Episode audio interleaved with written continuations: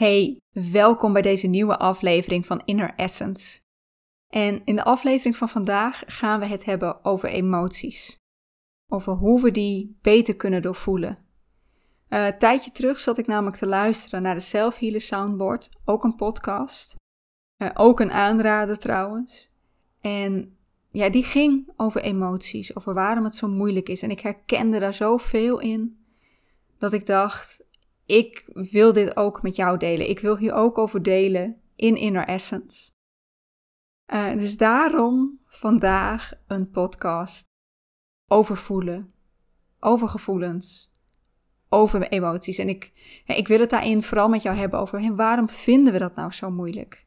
En als je daarin herkent dat je dat heel moeilijk vindt, dat je misschien wel helemaal het gevoel niet hebt dat je kunt voelen, of dat je merkt dat je het heel bewust weg probeert te duwen.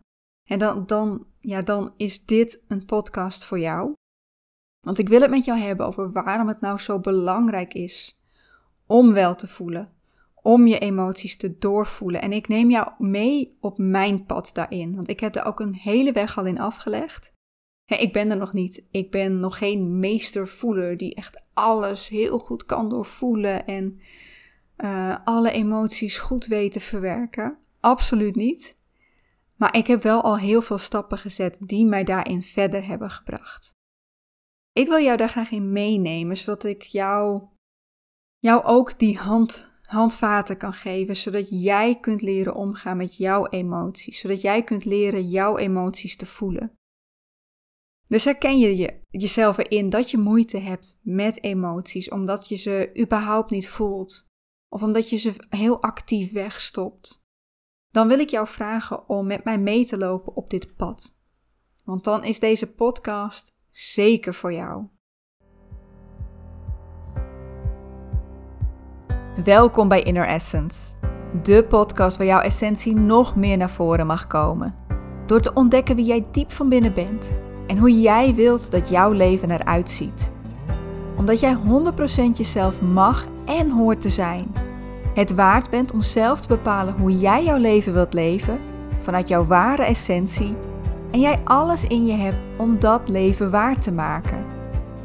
Ben jij er klaar voor om samen met mij de ontdekkingsreis naar jezelf te maken, zodat jij vol liefde voor jezelf en vol vertrouwen in jezelf jouw leven gaat leven zoals jij dat wilt?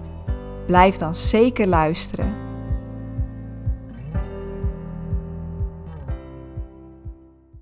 Welkom, lieve luisteraar. Wat fijn dat je er bent. Wat fijn dat ik jou hier mag verwelkomen en dat je weer meeluistert.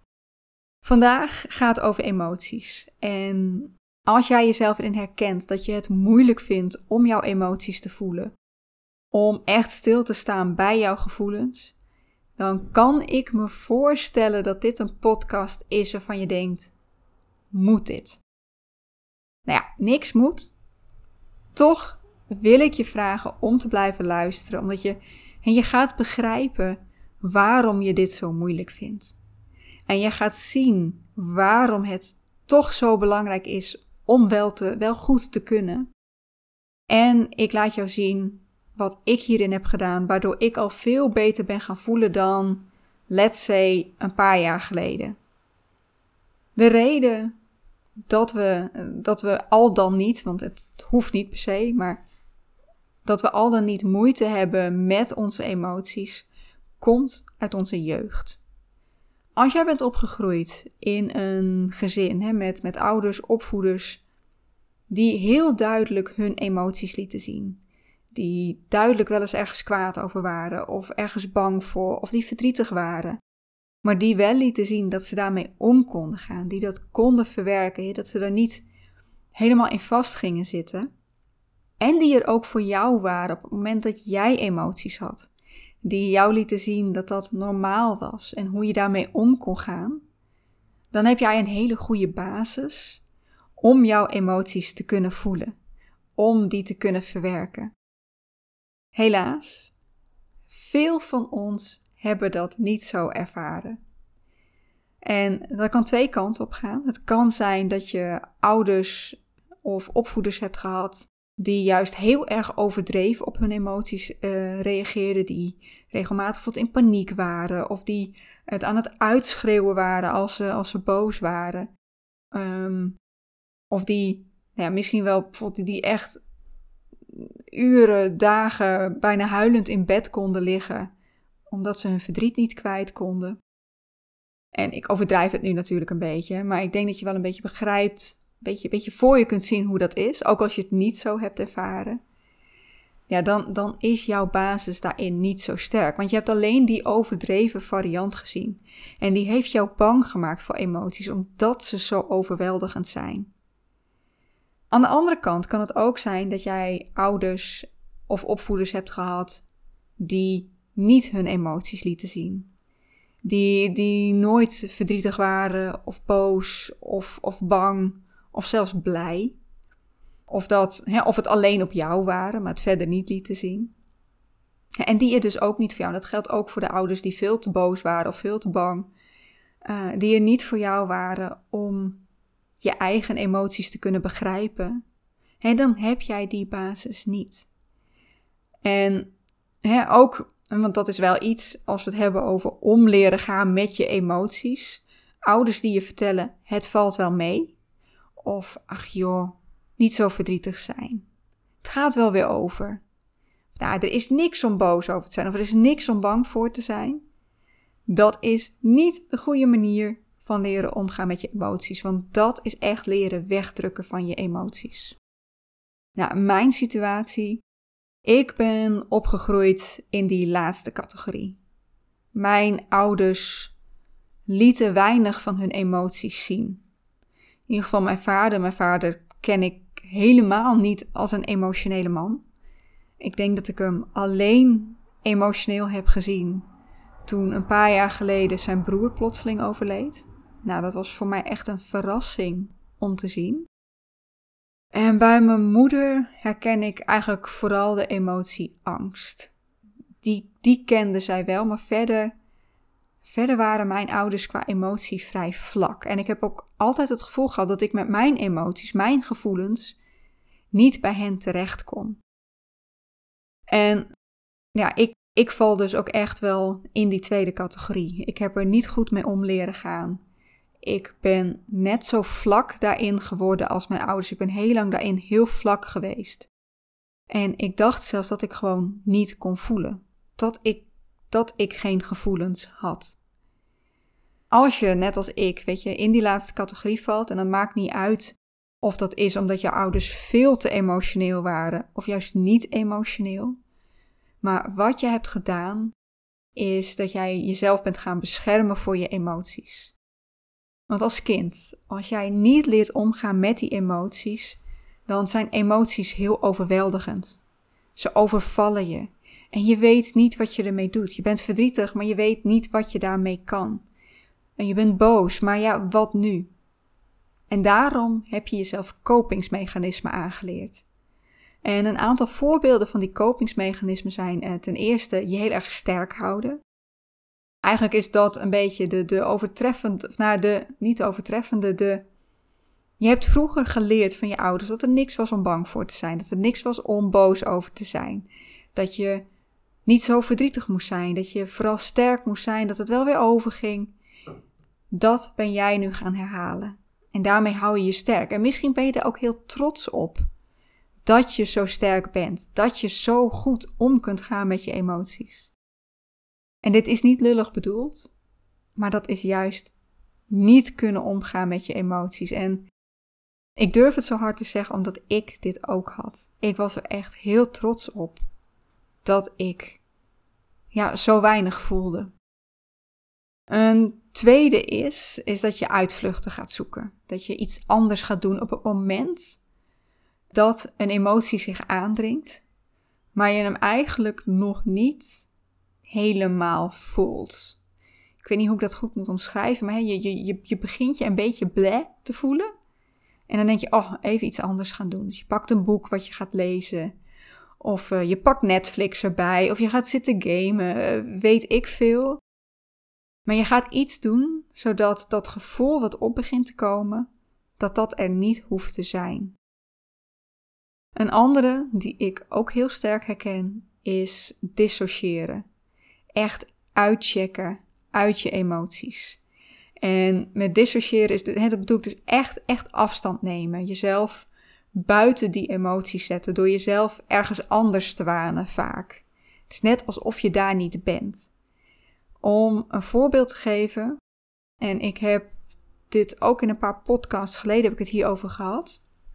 Maar ik was, um, ik was een tijdje terug bij een, ja, een, een, een meeting.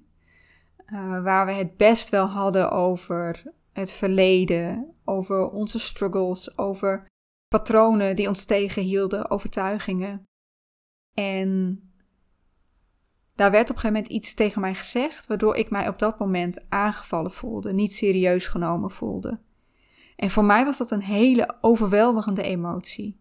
Eentje die echt in een soort van, die, die mij in een kindtrauma raakte. Niet soort van, het raakte mij gewoon in een kindtrauma.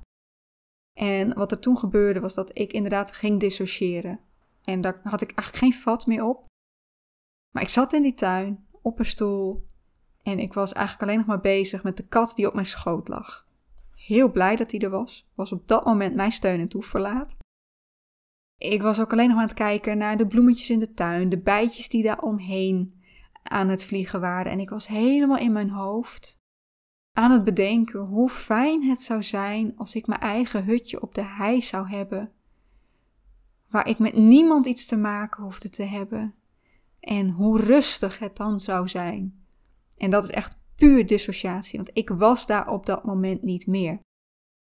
Ik was de volledige connectie met mezelf en met mijn eigen gevoel en met die andere vrouwen in die tuin was ik kwijt. En een ander ding wat, wat hier denk ik wel op op lijkt. Wat ik vroeger deed toen ik klein was. Ehm, en ja, dit is de eerste keer dat ik hierover ga vertellen. Dus je bent de eerste die dit ooit hoort, denk ik. Maar ik ging een andere realiteit voor mezelf creëren. Echt letterlijk een verhaal voor mezelf. En dat deed ik s'avonds voordat ik ging slapen.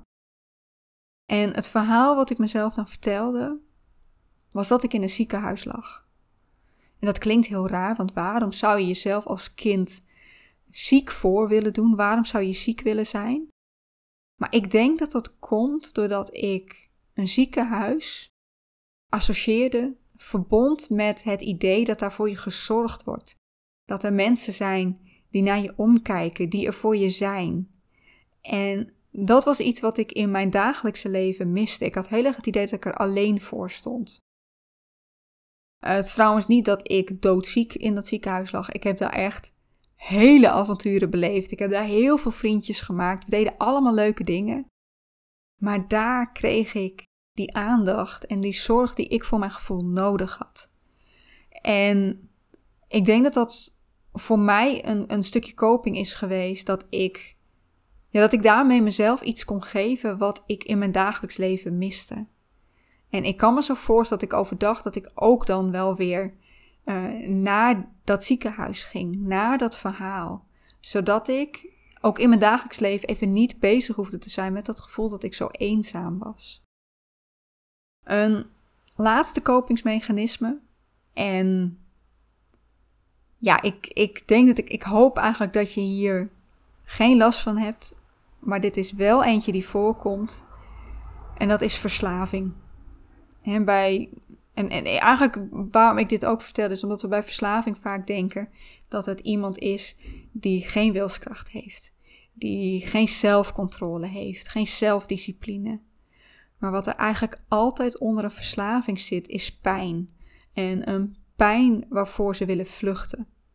En dat kan, hè, bij verslaving denken we meestal meteen aan een alcoholverslaving of aan een drugsverslaving. Maar het kan ook heel goed zijn dat je verslaafd bent aan eten, aan seks, aan porno, aan gaming. Alles, eigenlijk, eigenlijk alles wat een verslaving doet, is ervoor zorgen dat je, die, dat, je kunt vluchten voor die emotie. Ik weet niet of jij jouw kopingsmechanisme hier al in hebt herkend, um, maar dit zijn een aantal voorbeelden daarvan. En ik weet, ik weet dat het heel moeilijk is om je emoties te voelen als je dat nooit hebt geleerd. Maar toch is het echt zo nuttig om die emoties wel te voelen. Want wat jouw emoties doen, jouw emoties zijn een, een signalering. Het is, en het is een beschermingsmechanisme ook. Uh, jouw emoties, jouw gevoelens vertellen jou hoe het met jou gaat. Wat er wel goed gaat, wat er minder goed gaat. En het geeft jou ook inzicht in wie, jou wie jij bent. Um, ik ga even de vier basisemoties langs. En de vier basisemoties zijn angst, boosheid, verdriet en blijdschap. En hè, als je ze, als ik bedoel, hè, wat, waar geeft het je inzicht in en waar probeert het je voor te beschermen?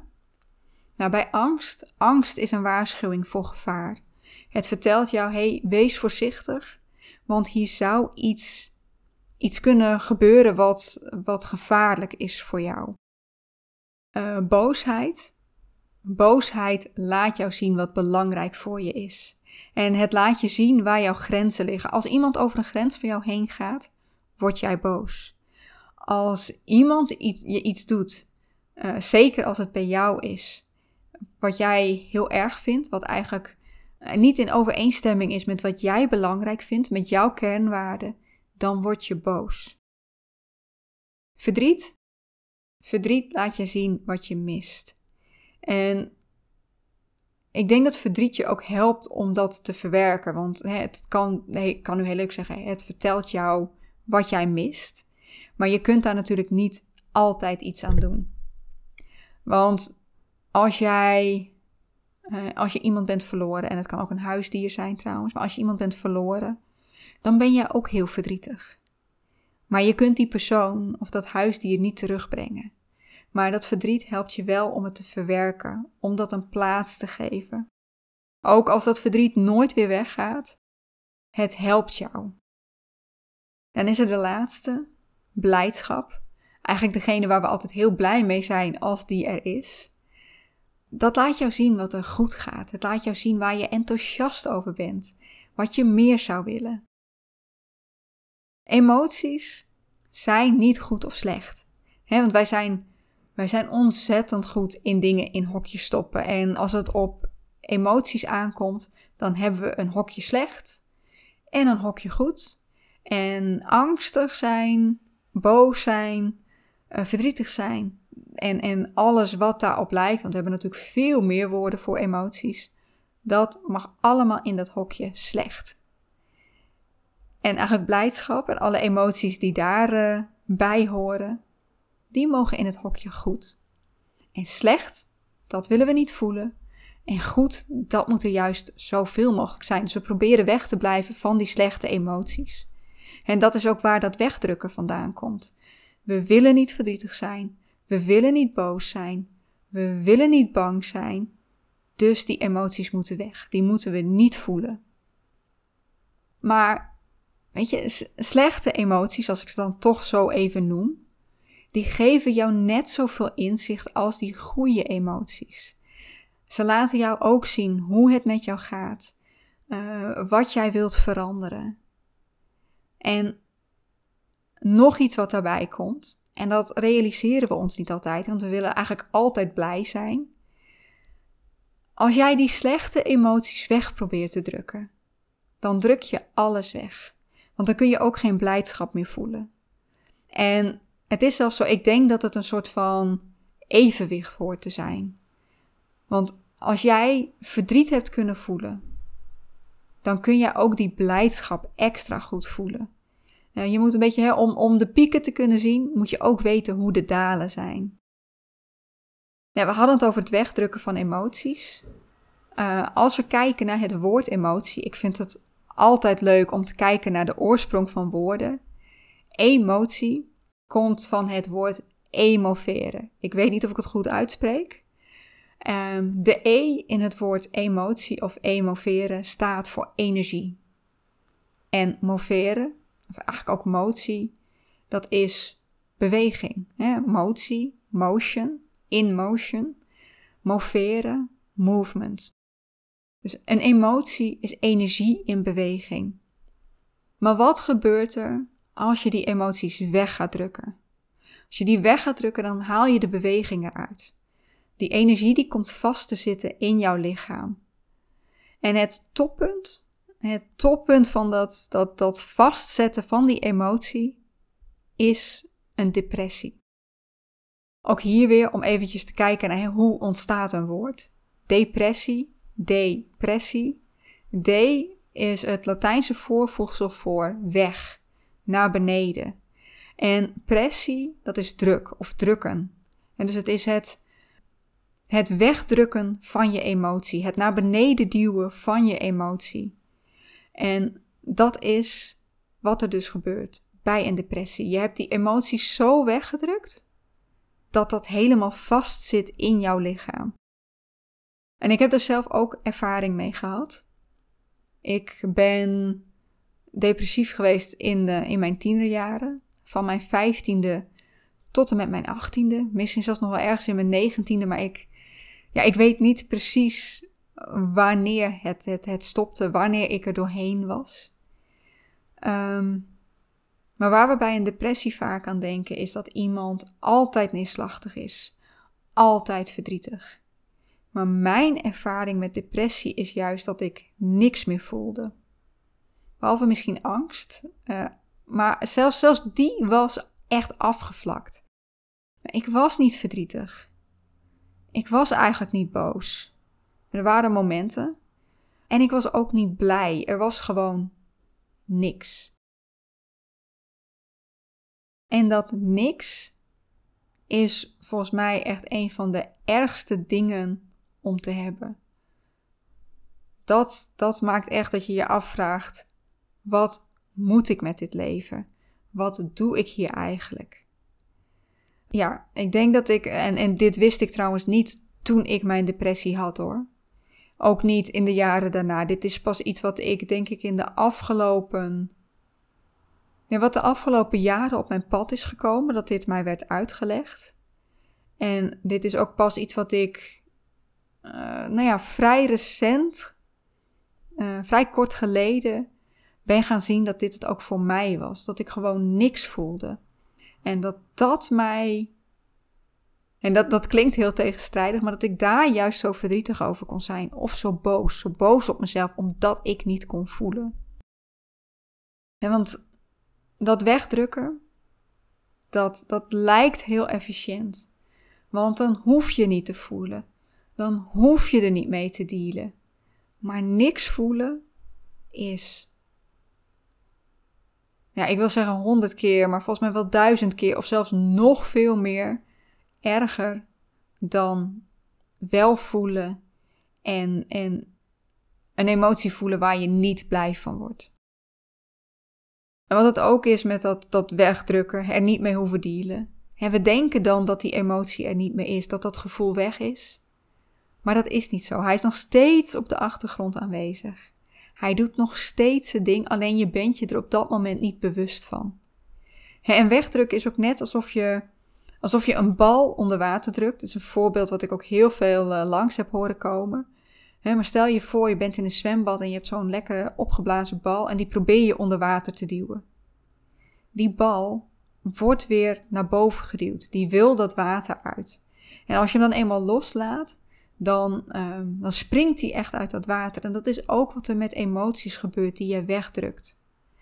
Plus, emoties stapelen zich op. Als jij ze weg blijft drukken, dan komt er laagje op laagje op laagje. En als dan het opeens te veel wordt en het komt wel naar buiten, dan is er echt een explosie. En dan is het pas echt overweldigend. Dan is het echt iets wat je overvalt.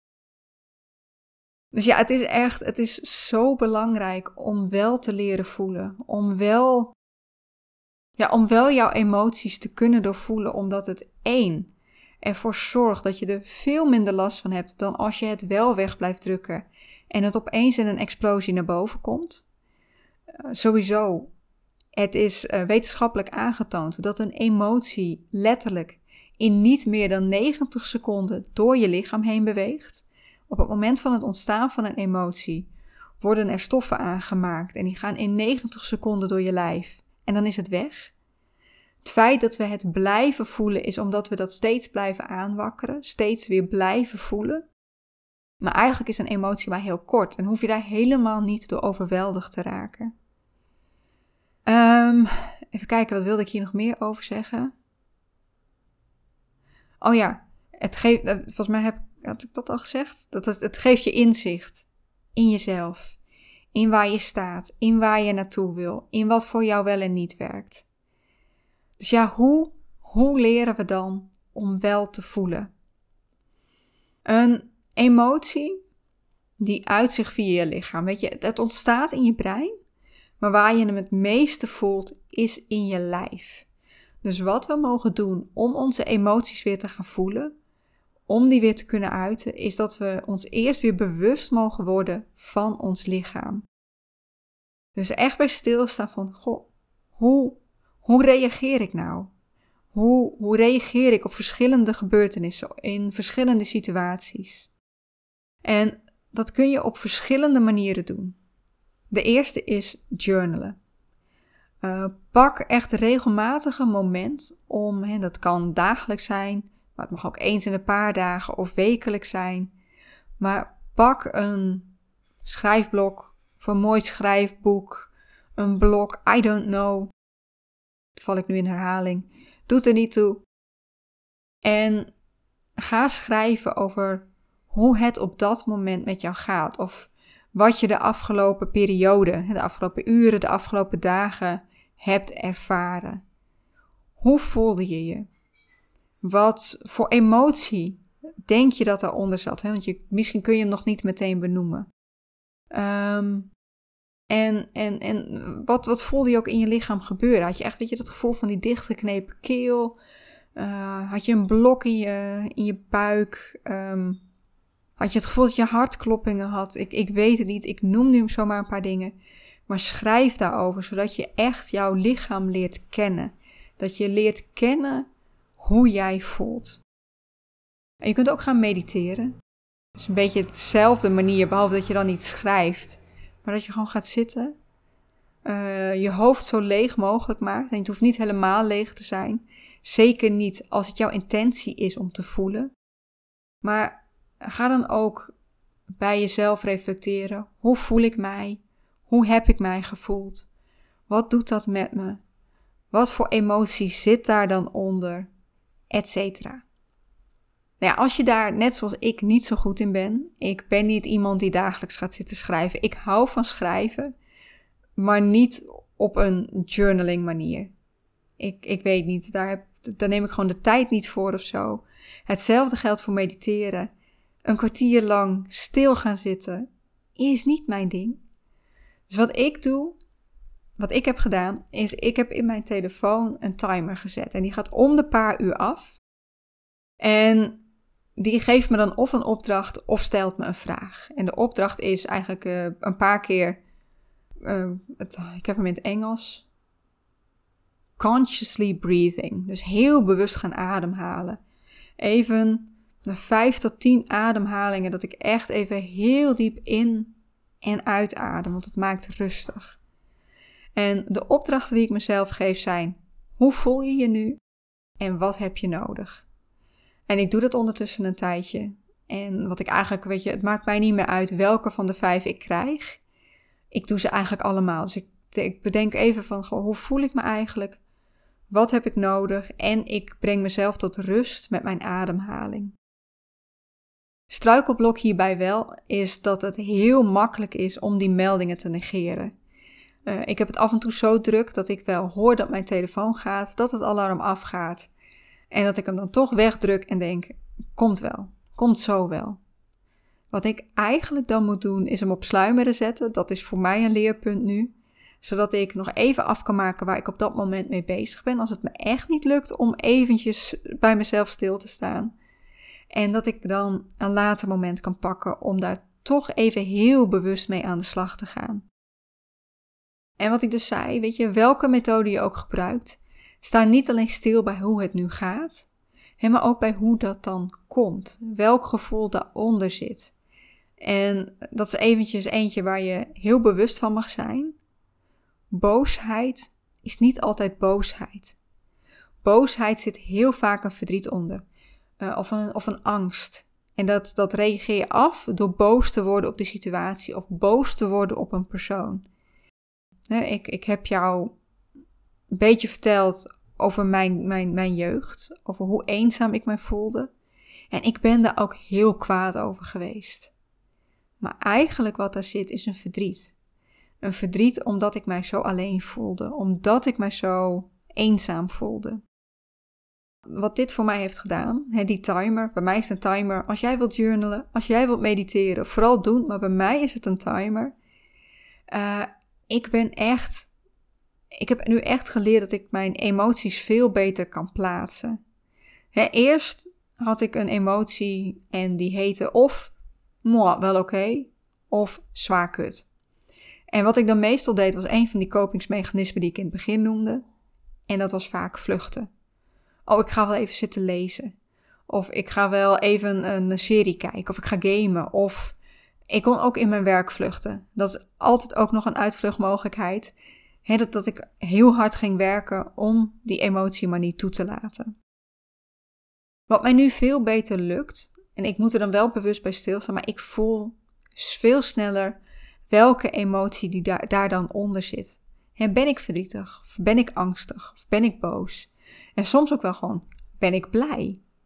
En ook de oorzaak van die emotie. Ik had laatst uh, een middag en daar kwam dat, hè, ik voel me zwaar kut gevoel weer.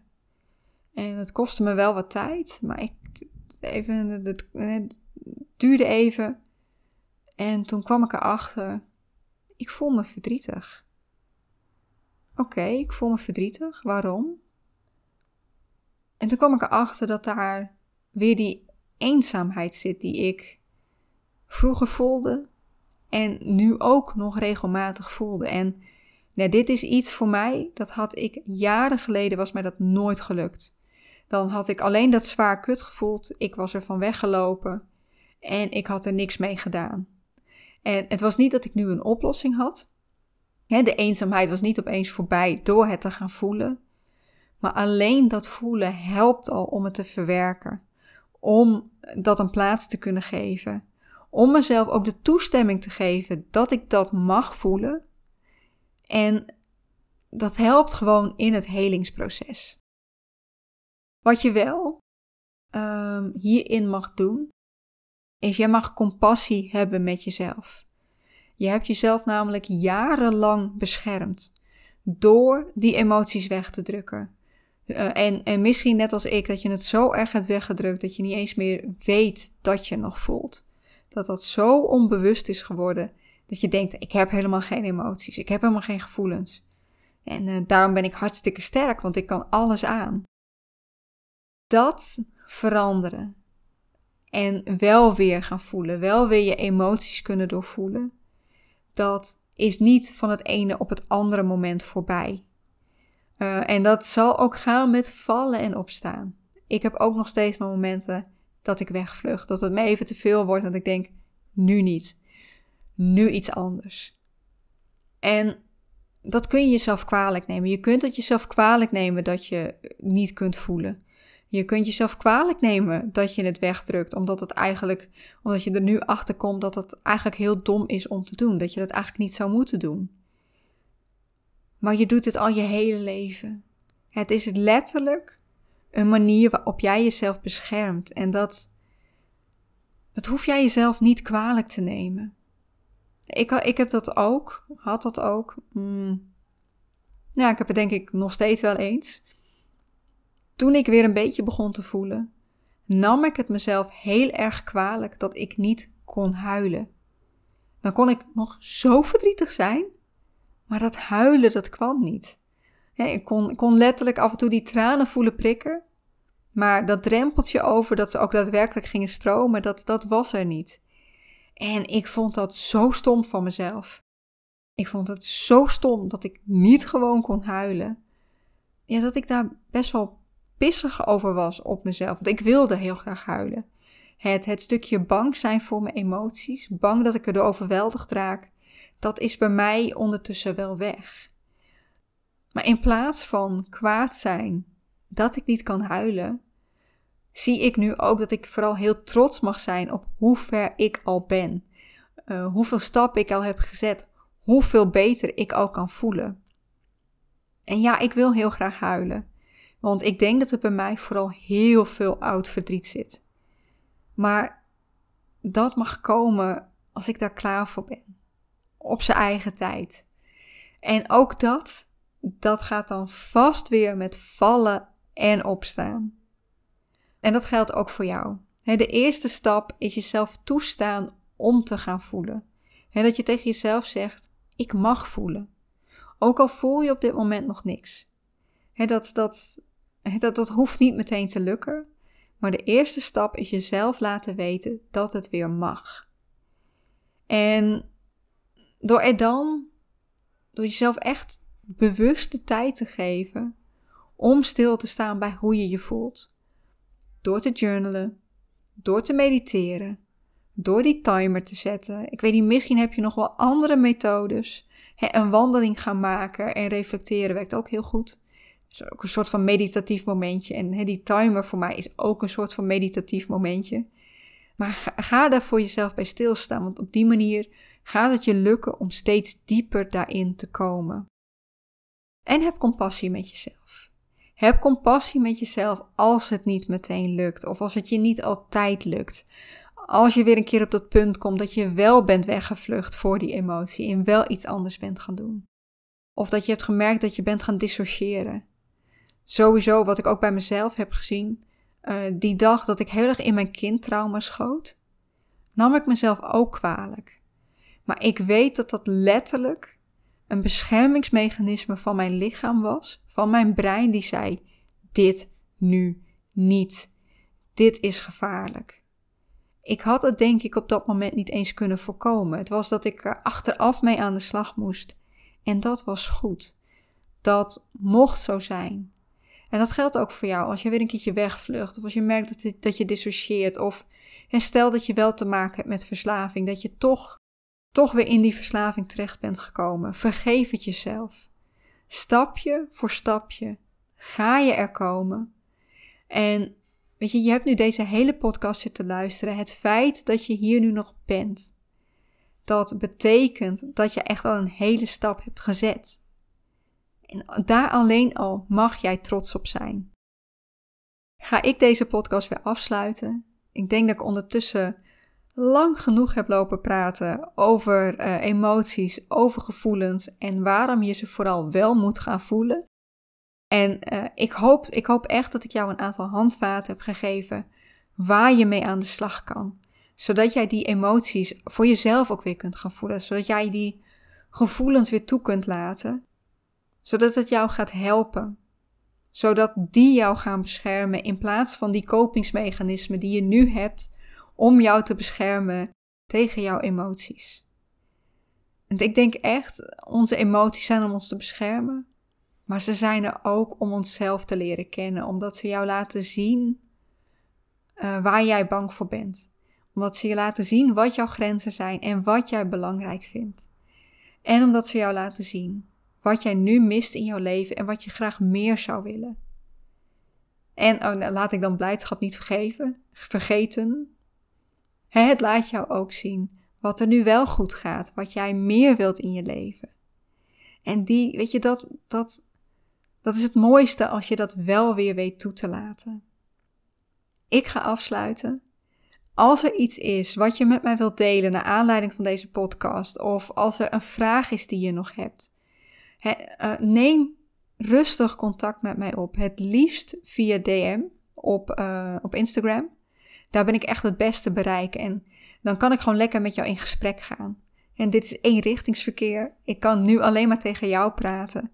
Maar ik vind het ook heel leuk als je tegen mij terug gaat praten. En dat we, uh, dat we het hier op een dieper niveau samen over kunnen hebben. Hoe dit voor jou is. Vond je deze podcast nuttig? Denk je dat veel meer mensen hier iets aan gaan hebben? Omdat veel meer mensen weer mogen gaan voelen wil je deze dan voor mij delen op bijvoorbeeld Instagram? Door een screenshot te maken van de podcast en die te delen in jouw stories. Nou, als je mij daarin tagt, dan uh, ga ik daar zeker ook op reageren. Dat vind ik hartstikke leuk. Maar daarmee komt deze podcast bij nog meer mensen terecht en kan het nog meer mensen gaan helpen. Dankjewel.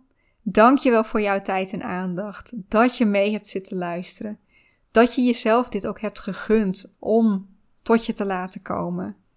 En dan wens ik jou nog een hele fijne dag. Een hele fijne ochtend, middag, avond. Wat voor tijdstip het op dit moment bij jou ook maar is. En dan hoop ik je weer te zien bij de volgende aflevering van Inner Essence. Tot dan.